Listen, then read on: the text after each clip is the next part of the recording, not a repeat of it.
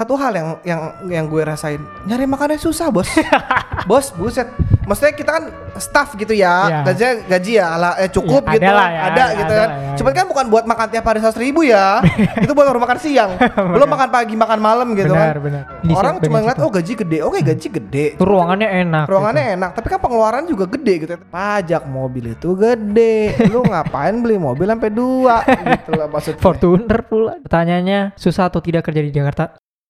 Selamat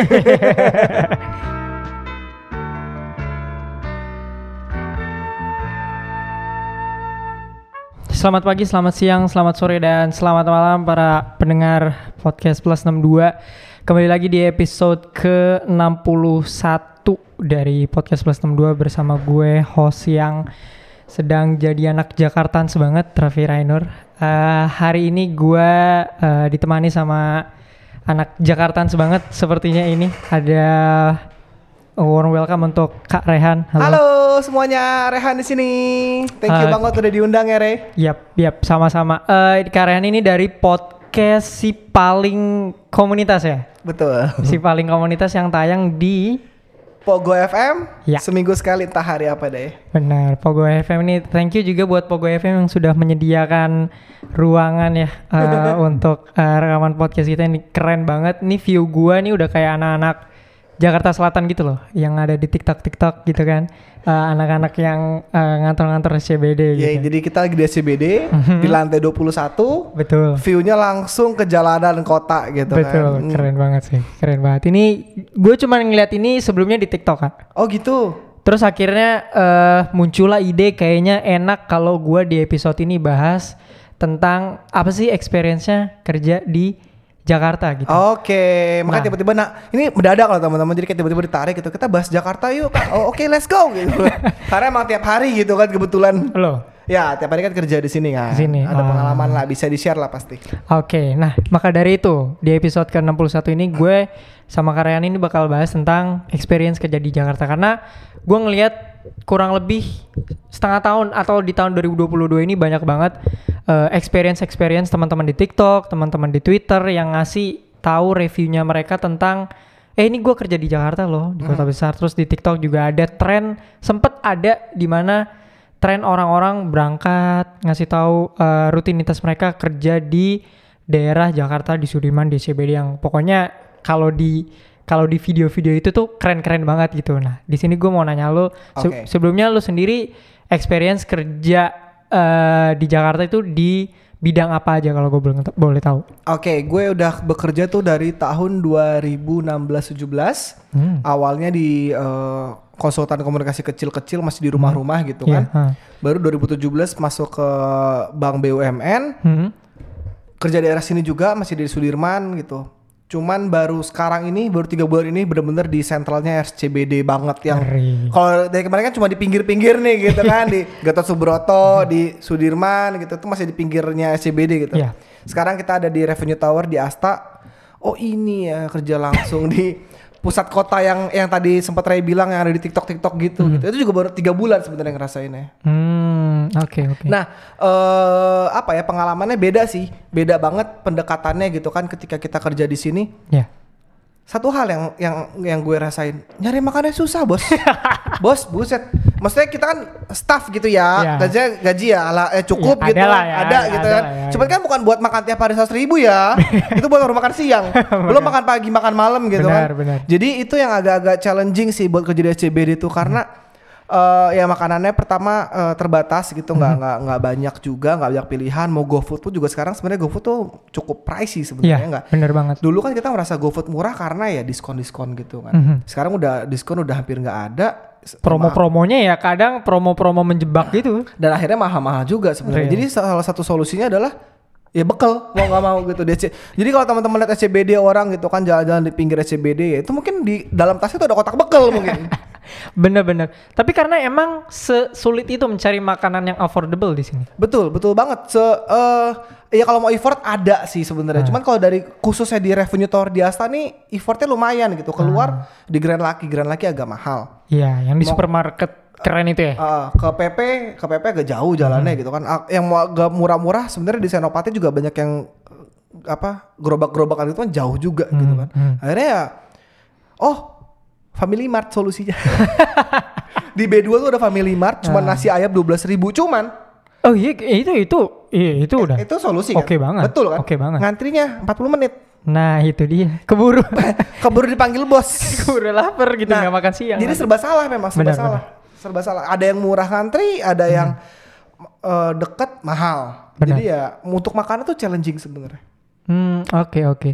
Dan gua ngelihat sebenarnya ini aside of makan, mungkin makan itu adalah ke apa ya keharusan seseorang gitu. Betul.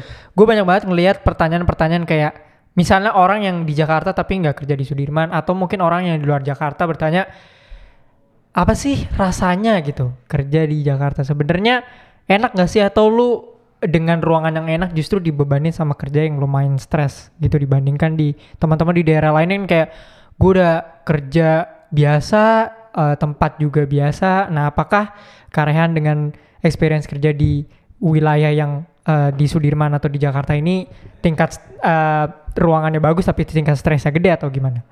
Eh kalau kita ngomongin sama orang daerah gitu ya, Mhm. sebenarnya ini juga berlaku sama teman-teman yang kalau melihat orang-orang yang kerja di luar negeri. Hmm. Konsepnya tuh sama bagaimana orang melihat orang da- orang dari luar Jakarta melihat orang kerja di Jakarta, Mhm. sama orang kerja di Jakarta ngeliat orang yang kerja di luar negeri. Negeri. Hmm. Pendapatan dapat sama, tapi pengeluaran pun juga hampir sama dengan pendapatan. Itu sebenarnya salah satu poinnya. Mhm. Yang membedakannya bukan masalah pendapatan, tapi chance untuk berkembang. Oke. Itu yang banyak orang-orang eh, Nggak nggak nggak ngelihat nggak aware di- di- gitu. di Orang cuma ngeliat oh gaji gede, oke gaji gede. ruangannya enak. Ruangannya gitu. enak, tapi kan pengeluaran juga gede gitu. Yang tadi gue bilang makan juga susah gitu. Akhirnya lu mesti bawa bekal atau ada pengorbanan lain yang lakukan. Belum kalau lu mesti nongkrong-nongkrong atau apa gitu-gitu kan juga keluar duit banyak. Benar. Nah, kalau di daerah mungkin kan eh, pendapatan nggak sebanyak di Jakarta, tapi pengeluaran pun juga nggak sebesar itu. Jadi sebenarnya ha- hasil akhirnya tuh sama juga kan. Nah, perbedaannya adalah memang eh, level perkembangannya itu loh. Hmm. Ketika lu di tempat yang lebih tinggi, pasti lu lebih ada pengen u- eh, kesempatan untuk berkembang tuh juga lebih tinggi. Iya. Kenaikan dari pendapatan pun lebih cepat gitu. Iya, iya. Bisa bisa ke sini-sini lebih gampang lah. Betul. Tapi nggak berarti di daerah juga maksudnya gini. Ini juga salah sih pemikiran orang-orang tuh pasti selalu merasa di Jakarta tuh lebih oke kerja di luar negeri tuh lebih baik. Iya. Sebenarnya di tempat masing-masing tuh kembali ke orangnya masing-masing Iya, juga iya. gitu. Banyak kok teman-teman di daerah juga yang gue lihat kalau memang dia beruntung punya kapabilitas dia bisa melakukan sesuatu dan bisa berkembang juga gitu di kota. Dia bisa mencari uh, experience-experience baru itu gitu dari Betul. dari Cuman eh kalau di daerah anggaplah kesempatan satu dari 100 gitu. Mm-mm. Kalau di Jakarta satu dari 10. Iya, mungkin. Lebih Betul. ke chance-nya aja chance sih. aja. Chance di Jakarta seenggak-enggaknya lebih terbuka lah untuk lo yang pengen untuk uh, willingly untuk bekerja lebih keras gitu. Jadi ya emang itu di di bagian itu sih yang menurut gua orang-orang nggak ngelihat gitu, cuma ngeliat itu tempatnya enak Betul, gitu, betul. makanya tinggal ngambil aja gitu. Ya, emang emang dan juga tekanannya juga eh, challenge-nya juga beda gitu kan. Hmm. Kembali ke apa yang lu tuju dalam hidup sebenarnya, mau nyari duit, keterangan batin atau apa gitu kan. Misalkan nah eh gini, tadi barusan gue ngambil podcast sama teman gue. gitu. Iya. Temen gue bilang gini, dia punya hobi musik, tapi dia nggak ber dia nggak mau bekerja di bidang musik. Padahal dia jago musik. Dia bilang kenapa? Karena gue nggak pengen ketika suatu saat gue membenci pekerjaan gue, gue akhirnya membenci hobi gue. Nah, itu dia. Jadi dia bilang kayak gitu. Maksudnya adalah berarti eh, orang sama ini mikir kayak, wah enaknya kalau hobi jadi pekerjaan, hobi jadi pekerjaan gitu kan. Ya tapi ketika someday lu nggak suka sama pekerjaan lu, lu nggak suka sama hobi lu, keterangan batin lu tuh nggak ada gitu. Benar, benar. Nah, maksudnya adalah ya pekerjaan itu kan pasti juga di mana pun bagaimanapun apa namanya relatif gitu Benar. kan. Relatif gitu kan. Apa yang lu cari gitu? Ketenangan batin atau pendapatan gede tapi lu juga stres? Jujur, jadi gue juga dia juga anak itu maksudnya jadinya bagaimana lu bisa ngebalancein itu antara Iya. lu hobi lu, lu apa lu, pendapatan tuh relatif semua menurut gue. Hmm, hmm, hmm. Selama lu suka sama hidup lu, mau pendapatan lu nggak banyak, lu di daerah, it's fine. Hmm. It's very fine menurut gue. Oke, oke. Nah, balik lagi terakhir mungkin dan juga tuh berhubungan sama stres gitu. eh, jadi eh, pernah denger post power syndrome? Ya, di mana orang yang sudah tidak orang yang sudah tidak dalam masa jayanya itu mengingat-ingat masa jayanya lagi. Betul. Dan itu kebanyakan ada di kota besar. Hmm. yang yang yang yang terkena itu gitu. Kenapa? Kenapa bisa cuma di kota besar yang Karena kan tekanan ini? lu. Jadi gini, lu sudah terbiasa hidup dalam tekanan. Hmm. Dari lu mulai bekerja sampai puluhan tahun kemudian, lu hidup dalam tekanan pekerjaan, dalam tekanan KPI. Hmm. Tiba-tiba lu nggak ada itu semua. Hmm. Ujung-ujungnya apa? Lu kena post power syndrome. Dan nggak sedikit orang yang eh, meninggal karena itu. Iya. Di umur yang pensiunan biasanya. Hmm. Hmm. Jadi tiba-tiba dia habis pensiun, pasti teman-teman deh di luar sana pernah dengar habis pensiun Bingung. Padahal se padahal sehat. Sehat walafiat, Padahal sehat ah. Hmm. walafiat pas sebelum pensiun. Maksudnya penyakit-penyakit itu nggak biasa aja. Tiba-tiba semua penyakit keluar Iya. at one moment Iya. langsung eh, eh, meninggal gitu. Hmm. Nah, itu kebanyakan dari orang-orang kota yang sudah terbiasa tertekan, sudah terbiasa bekerja, tiba-tiba kok nggak ngapa-ngapain ya. Benar, benar, benar. Itu kan juga negatif gitu. Coba dari awal kalau lu menyukai pekerjaan lu, lu menyukai waktu yang lu lewati gitu. Mau di mana pun, mau di Jakarta, mau di kota mana, di Tulung Agung, di Brebes gitu. kalau lu menyukai itu, lu pasti akan menikmati hidup lu terus sampai Let tua flow gitu. gitu. pada akhirnya. Lu akhirnya mengurangi satu resiko kematian ya guys. ya itu sih post power syndrome tadi karena tekanan-tekanan. Tapi eh, soal kerja dengan passion dan kerja eh, misalnya orang kerja dengan passion nih, Hmm. tapi duitnya seadanya. Sama kerja duitnya ada tapi nggak passion. Nah ini kan suka jadi perdebatan nih di kalangan orang-orang Jakarta sini nih. Wah parah. Lu sendiri ada di posisi mana? Kerja dengan passion, lu ngelakuin willingly, tapi kadang apa namanya eh, duitnya atau pemasukan yang gak sebanding sama pengeluarannya, atau kerja dengan tingkat stres yang gak masuk akal, tapi lu dapet apa yang bisa lu inginkan dari sebuah materi itu Oke. gitu. Nah untuk Lu di bagian mana? untuk yang pertama tuh yang tadi udah sempat gue sebutin sebelumnya. Ketika lu kerja pakai passion tapi lu struggle, lu udah gak ada pilihan lari karena passion lu di situ. Hmm. Lu udah gak ada exit plan. Hmm. Kita udah nggak bisa ngapa-ngapain nih orang. Gue suka ini, gue kerja di sini, gue udah gak ada duitnya dikit, tapi gue udah nggak bisa tahu lagi mau ngapain. Lu Hmm. stuck. Ya. Someday kalau lu dapet teman-teman juga buat di luar sana yang punya pekerjaan yang ah ini pekerjaan sucks banget nih gitu kan. Iya. Gue nggak suka pekerjaannya tapi duitnya banyak gitu. Hmm. Kalau lu eh orangnya eh, apa namanya tangguh gitu, lu bisa nyari kesenangan lain. Hmm. Oke. Oke. Maksudnya ya akhirnya akhirnya akhirnya nah ini juga nih akhirnya identik lah orang-orang Jakarta tuh kalau pulang kerja clubbing, Iya betul betul. pulang kerja Mabok, mabok, mabok. minum-minuman segala macam gitu kan. Itu kan karena salah satu eh, exit strategi dari mereka ketika mereka kerja stres, duit Apa banyak, ya? Mau ngapain lagi nih ya? mau ngapain ya gitu kan. Bersenang-senang pada akhirnya. bersenang-senangnya dan kebetulan mabuk atau clubbing itu adalah jadi solusi buat teman-teman di sana gitu. Nah ya gitu. Tapi mau gimana pun kalau gua disuruh milih, gue pasti akan milih yang kedua. Oh why? Loh karena oke lu stres gitu. Hmm. Tapi lu akan ada ada penyembuhnya Ya itu adalah pemasukan atau dan bentuk materi. dan gak harus clubbing ya maksudnya. Iya, Nggak harus iya, clubbing ya. Ketika lu punya banyak duit, lu bisa cuti seminggu lu pergi ke Eropa kalau kaya. Kalau gajinya ya. gede gitu kan. Kalau di lantai 40 lebih atas lagi gitu mungkin ya. Nah, bisa. tapi kalau lu punya kalau lu udah hobi lu itu duitnya nggak banyak, lu lagi stres, lu nggak bisa lari, benar, benar. lu nggak bisa lari, kita nggak bisa ke mana-mana, nowhere Oke. gitu. Cuman ya itu kebijaksanaan masing-masing dalam Ya, me- ya. dalam me- menyalurkan eh, stres. Hmm. Kan banyak akhirnya orang-orang yang negatif gitu Ya. kan mungkin akhirnya wah gue stres nih anjir pijet gue stres nih akhirnya nyari hal-hal benda-benda terlarang Iya, gitu kan iya. nah itu balik ke teman-teman kebijaksanaan teman-teman dalam mengelola keuangan teman-teman Yap, benar-benar. So sebenarnya it's okay to be realistic lah. Maksudnya kalau pak ada kan yang orang idealis tadi yang mengejar passion dan segala macam itu nggak apa-apa juga, tapi being realistic juga nggak apa-apa juga karena kan orang orang realistik ini kayak jadi materialistik gitu loh. Jadi perhitungan dan segala macam orang-orang jadi menilainya orang-orang yang realistis, orang-orang yang mengejar eh, materi ini di dicap sebagai orang-orang yang ah materialistis lu mata duitan dan segala macam. padahal juga mungkin orang nggak mikir ketika ketika dia realistis mata duitan toh dia bisa bertahan dengan dirinya sendiri Hmm. ya pernah dengar generasi sandwich kan Ya, ketika ketika ada seseorang yang dihimpit oleh eh, sisa-sisa keku orang tuanya, Iya. orang tuanya masih butuh bantuan dan anak dia punya anak dan anaknya pasti butuh bantuan dia. Gitu. Itu kan terhimpit ya. Iya. Tadi bilangnya sandwich. Sandwich. Nah, banyak juga sekarang orang yang punya tujuan adalah gimana caranya dia nggak membuat anaknya jadi generasi sandwich. Hmm, benar benar. Toh ketika dia jadi generasi sandwich emang orang-orang yang ngomong itu bakal ngebantuin kan enggak juga. Enggak juga, gitu kan. benar. Nah, Benar. itu yang yang sebenarnya tricky ya buat teman-teman yang yang mungkin punya penghasilan lebih gitu ya yang Hmm. tinggal di Jakarta gimana caranya mengelola keuangan itu harusnya adalah kunci gitu.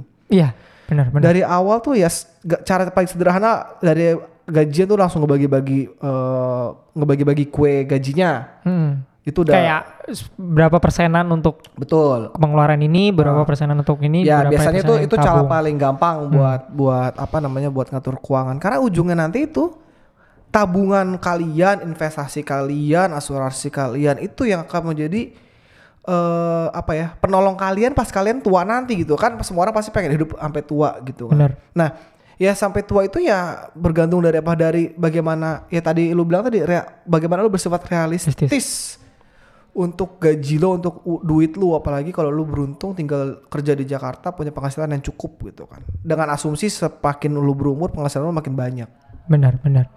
Itu yang susah dan sepertinya orang-orang tuh kurang kurang apa ya? Kurang mengerti di sisi itu gitu. Gua gua rasa orang-orang harus mulai untuk mengerti itu karena kadang-kadang ada orang yang ditempatin di Jakarta tapi kaget. Kaget dan mereka nggak bisa mengatur segala hal yang seharusnya diatur itu betul sekarang coba kita contoh ambil, ambil contoh ya gitu. Hmm. banyak banget eh apa namanya hmm, fenomena eh dat- duit datang cepat duit datang hilang Hmm. maksudnya contoh lah kita ambil nih contoh eh bonge misalnya bonge Ya, bonge bonge, bonge. Kita lihat Bonge sekarang, wah tiba-tiba cuma karena satu TikTok, satu dua kali TikTok gitu kan, Bisa terus ada SCBD, dapat gitu. mobil, dapat apa segala macem. Nah, ini di podcast 62 ini ini akan jadi bukti nih. Kita akan challenge coba nih, coba kita tunggu beberapa tahun lagi bagaimana Bonge? Iya. Apa yang akan dilakukan dengan duit-duit yang dia akan dapat? Itu juga itu juga menarik buat kita perhatiin gitu. Hmm, hmm. Sama halnya kayak bekerja gitu. Lu dari daerah atau orang Jakarta tiba-tiba punya banyak duit, lu bingung mau gimana, lu foya-foya akhirnya udah gitu kan sebenarnya duitnya jadi sia-sia juga. Iya, benar, benar. Jadi ya duit datangnya cepet, keluarnya juga cepet juga gitu loh. juga. Itu kan balik ke masalah apa? Ke masalah manajemen keuangan masing-masing. Hmm, hmm, Bagaimana lu melihat lu punya duit tapi mau lu apain gitu. hmm, Itu yang yang yang yang banyak orang yang tadi lu bilang, banyak orang tuh nggak aware sama itu. hmm. Apalagi contoh contoh contoh contoh teman-teman tahu nggak kasus di daerah mana ya yang tanahnya habis dibeli sama Pertamina atau sama apa gitu terus tiba-tiba orang-orang satu kampung beli mobil Fortuner semua ya yang mi- eh, yang iya iya benar Tuh, benar. apa yang terjadi sekarang semuanya nggak tahu gimana nggak nggak punya duit lagi Iya. Itu mobilnya juga bingung pajak men pajak mobil itu gede lu ngapain beli mobil sampai dua gitu lah maksudnya Fortuner pula dulu. nah maksudnya itu itu kan terjadi nggak hanya di Jakarta bahkan benar benar. Itu itu terjadinya jauh di luar Nah, Jabodetabek. maka dari itu, maka dari itu keuangan itu penting juga sebenarnya. Khususnya buat yang kerja di Jakarta harus lebih challenging lagi ngatur keuangan. Betul. So, pertanyaannya susah atau tidak kerja di Jakarta? Susah.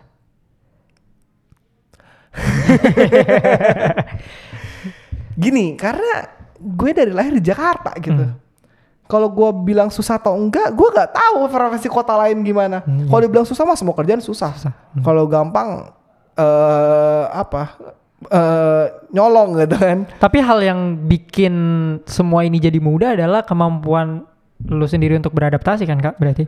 Pasti, pasti, pasti. eh kemampuan adaptasi itu adalah sesuatu yang harus orang semua orang punya sih sebenarnya. hmm. Jadi mau tiba-tiba gue tiba-tiba harus ke luar negeri atau ke mana pun atau tiba-tiba di pulau terpencil pun itu yang Siap, membuat siap. gue selamat Hmm. gitu. Eh, adaptasi bener-bener buat teman-teman semuanya warga 62 Mhm. yang ingin eh, bertahan hidup dan punya masa depan yang panjang dengan gaji yang tinggi beradaptasilah. betul betul. Adaptability itu hal yang paling penting sih menurut gua ketika di mana pun gitu maupun lu levelnya misalnya kuliahan gitu ya atau sekolahan adaptability itu jadi satu hal yang penting gitu. Karena menurut gue kapabilitas orang itu bisa aja nggak bagus. Hmm. Dengan adaptasi yang bagus, dia bisa terlihat capable. Hmm. Jadi Keren. kunci trik rahasia dari interaksi sosial itu adalah adaptasi. Iya benar-benar. Karena ketika kita nggak bisa beradaptasi, nah inti dari adaptasi adalah kompromi. Hmm. Kebanyakan orang nggak bisa adaptasi karena dia nggak mau kompromi. Iya sama-sama keadaan baru atau keadaan yang ada di sekitarnya dia. Betul. gue nggak bisa nih kayak gini-gini nih dasar lo sialan gue nggak suka Gue nggak bisa nih ngerjain kayak gini nih, bukan tugas gue nih. gue wah bos kayak gitu sampah nah, itu kan Keluar.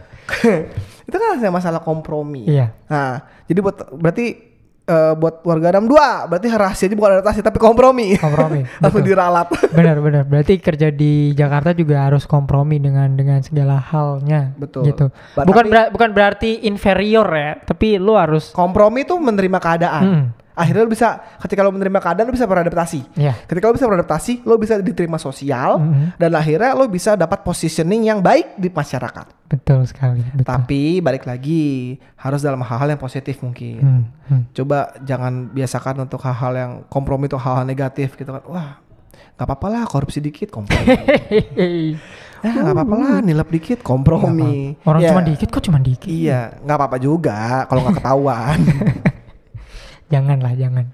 Tertukutnya kayak orang-orang sono kan. nah gitu Oke, oke. So, ya itulah tadi cerita dari Karyan tentang eh, experience kerja di Jakarta karena gue melihat banyak banget warga-warga Twitter juga gimana ya cara ngejar work life balance di Jakarta nih sepertinya agak sulit, agak sulit. Orang-orang tuh nyarinya harus work life balance, work life balance, work life balance gitu. Tapi sebenarnya itu bukan hal yang mudah juga kan untuk dicapai gitu, apalagi kerja di kota yang tidak pernah tidur kayak gini. Lu sendiri udah udah ada di uh, sisi uh, masa yang mana kak kalau untuk work life balance atau lu udah kayak nggak peduli aja gitu?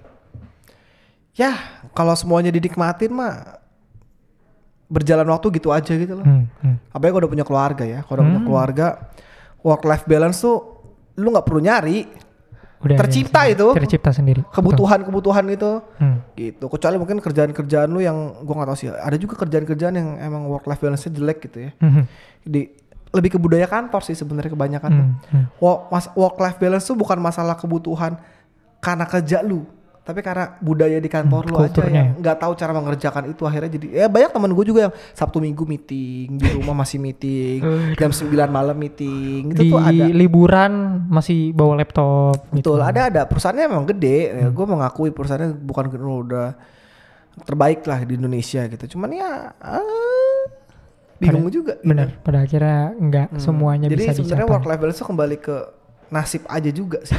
ya maksud gua kalau lu mau berusaha work life balance ya, kalau kebutuhan kantor lu nggak kan lu mau Iya. harusnya resign atau gimana? Mau gimana pun. Oh. Pada akhirnya malah orang orang terpaksa resign cuman gara-gara ngejar si work life balance-nya itu. Jadi kan kayak Iya. Ujung-ujungnya pas work life udah dapat work life balance nggak ada rekeningnya kosong rekening. Iya, aduh, work life balance dapet tapi income-nya tidak dapet gitu. Ya mending habis work life balance habis resign, worknya nggak dapet malah ya. Worknya nggak dapet, life-nya worknya nggak ada, life-nya nggak ada, nggak balance. balance. Aduh, kurang banget. Jadi itulah uh, experience buat teman-teman yang dengerin nih misalnya di TikTok masih ngelihat teman-teman atau rekan-rekan yang kerja di SCBD, wah enak ya ini. ya." Eh, mungkin enak, tapi juga lu harus Tapi lihat dia lihat tasnya pasti ada kotak bekel di dalam. iya bener banget atau kotak Family Mart gitu nggak Nah. harus melulu kotak-kotak gitu so thank you Karayan udah Thank you, Re. join sama kita jangan lupa untuk dengerin podcast si paling komunitas. di Pogo, FM. dan juga Plus 62 juga bakal airing di Pogo FM ya Ditunggu. Platform podcast terbaru di Indonesia. Nggak cuman Plus 62 tapi kemungkinan besar insya Allah semua podcast-podcast di Plus 62 Network juga akan tayang di Asik. Pogo FM. Jadi jangan lupa untuk download di App Store dan di Play Store Pogo FM. Thank you Karyan. Thank you, Ray. We'll see you Thank you. again di episode Bye-bye. ke-62. See you. Cheers.